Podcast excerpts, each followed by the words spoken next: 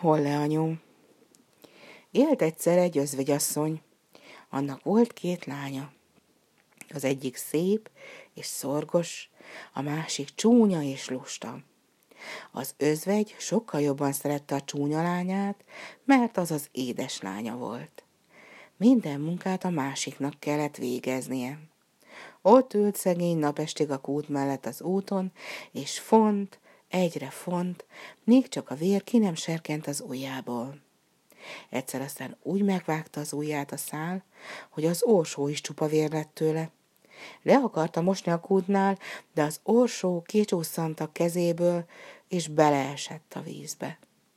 A lány sírva fakadt, hazaszaladt a mostohájához, és elpanaszolta neki, hogy mi történt. Az meg ahelyett, hogy megszánta volna, kegyetlenül rárépakodott. Ha belejtetted, szedd is ki belőle! Szegény lány visszament a kúthoz, nem tudta, mit évő legyen. Félelmében végül is az orsó után ugrott. Elvesztette az eszméletét, és mikor magához tért, egy szép, napfényes, virágos mezőn találta magát. Elindult, ment, mendegélt, egyszer csak egy kemencéhez ért. A kemence tele volt kenyérrel, és a kenyerek azt kiabálták. Húz ki hamar, húz ki hamar, mert megégek, már régen kisültem.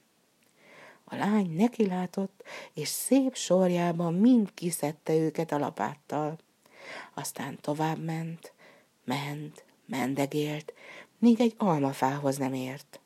A fa tele volt almával, s ezt kiabálta. Ráz meg, ráz meg, minden almám megérett már. A lány megrázta a fát, ahogy csak úgy hullott az alma, mint az ápor. Addig rázta, míg az utolsó szem is le nem hullott róla. Akkor az egészet szépen kupacba rakta, és tovább indult. Ment, mendegélt, végre egy házikóhoz ért. A házikóból egy anyóka kukucskált ki barátságosan, de olyan hosszú foga volt, hogy a lány megijedt, és el akart szaladni. Az öregasszony azonban utána kiáltott. Ne félj tőlem, kedves lányom, maradj nálam. Ha minden munkát rendben elvégzel a háznál, jó sorsod lesz. Csak arra vigyázz, hogy jól megvesd az ágyamat, jól fölrázd a párnámat, hadd szálljon a pihéje. Olyankor hó hullik fönt a világban. Én vagyok Holle anyu. Az öregasszony olyan szépen rábeszélte, hogy a lány végül is összeszedte bátorságát, ráállt a dologra, és beszegődött hozzá. Mindent megtett a kedve szerint. Az ágyát is mindig jól fölrázta. Csak úgy szálltak a pihék, akár a hópelyek. De jó dolga is volt ám az öregnél. Soha egy rossz szót sem hallott, s ehetett, amennyi jól esett neki. Evett is eleinte jó étvágyjal, hanem aztán valahogyan ízét vesztette a falat a szájában. Egyre kedvetlenebb, egyre szomorúbb lett. Eleinte maga sem tudta, mi leli, hanem utóbb, mikor már jó ideje szolgált Holle anyónál, ráeszmélt, hogy haza kívánkozik. Hiába ment itt ezerszer jobban a dolga, mint otthon, mégiscsak mindig ott járt a gondolata a messzi kis falusi házban. Végül aztán már nem bírta tovább, odaállt szépen Holle anyu elé, és ezt mondta neki. Elfogta a szívemet a honvágy. Nem maradhatok tovább nálad. Tudom, százszor jobb sorom van itt, mégis azt mondja a szívem, vissza kell mennem az enyémhez. Tetszik nekem, hogy hazavágyol, felelt az öreg. Ebből is látszik, hogy derék, hűséges teremtés vagy. S amiért olyan becslettel szolgáltál, én magam viszlek fel a fenti világba. Azzal kézen fogta, s egy nagy kapuhoz vezette. Innét most már mehetsz magad is, mondta. Ez a kapu egyenest a falutok határában nyílik. A kapu kitárult, s abban a pillanatban, ahogy a lány átlépett rajta, sűrű aranyeső hullott rá a magasból, és az arany mind ott ragadt a ruháján. Fény lett, csillogott az egész lány tetőtől talpig. Ez a fizetség a szorgalmadért, kiáltotta Holle anya a kapunát, s még a kútbe esett orsóját is kidobta utána. A két kapuszány dördülve becsukódott, s lám a lány, amint körülnézett, ott találta magát a falujuk határában, nem messze az anyja házától. Gyorsan útnak eredt, sietett haza boldogan. Ahogy befordult az udvarukra, a kút kávájáról meglátta a kakas, és nagyot rikkantott. Kukorikú, mi történt? Aranyos lányunk hazatért.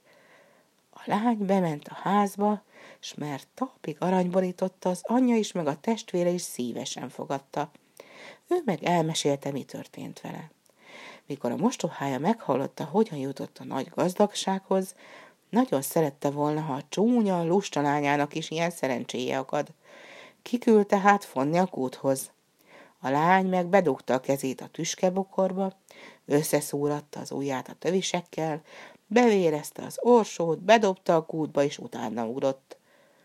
Ő is a szép mezőn tért magához, azon az ösvényen indult el, amelyiken a másik lány is járt.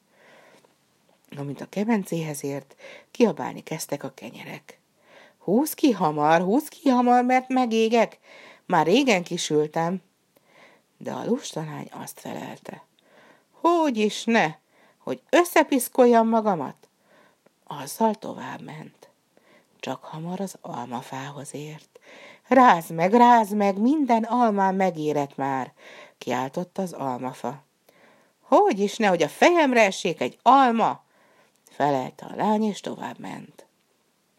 Odaért Holle anyó házához, de egy cseppet sem ilyet meg az öregtől, mert már tudta, milyen nagy foga van, és tüstént elszegődött hozzá.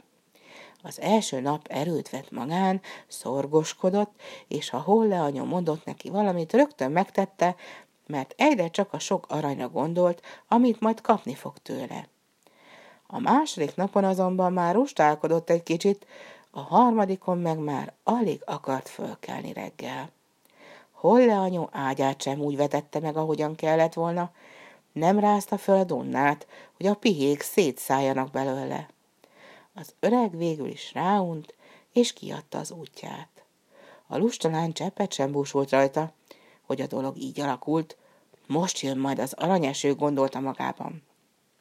Holle anyu őt is a kapuhoz vezette hanem amikor a lány kilépett rajta, arany helyett egy jókora üst szurok zúdult a nyakába. Ez a fizetség a szolgálatodért, mondta Holle anyu, és becsukta a kaput. A lustalány hazament. Tetőtől talpig szurkos volt, és mikor a kakas meglátta a kút kávájáról, nagyot rikkantott. Kukurikú, mi történt? Szutykos lányunk hazatért a szurok pedig rajta ragadt élete végéig.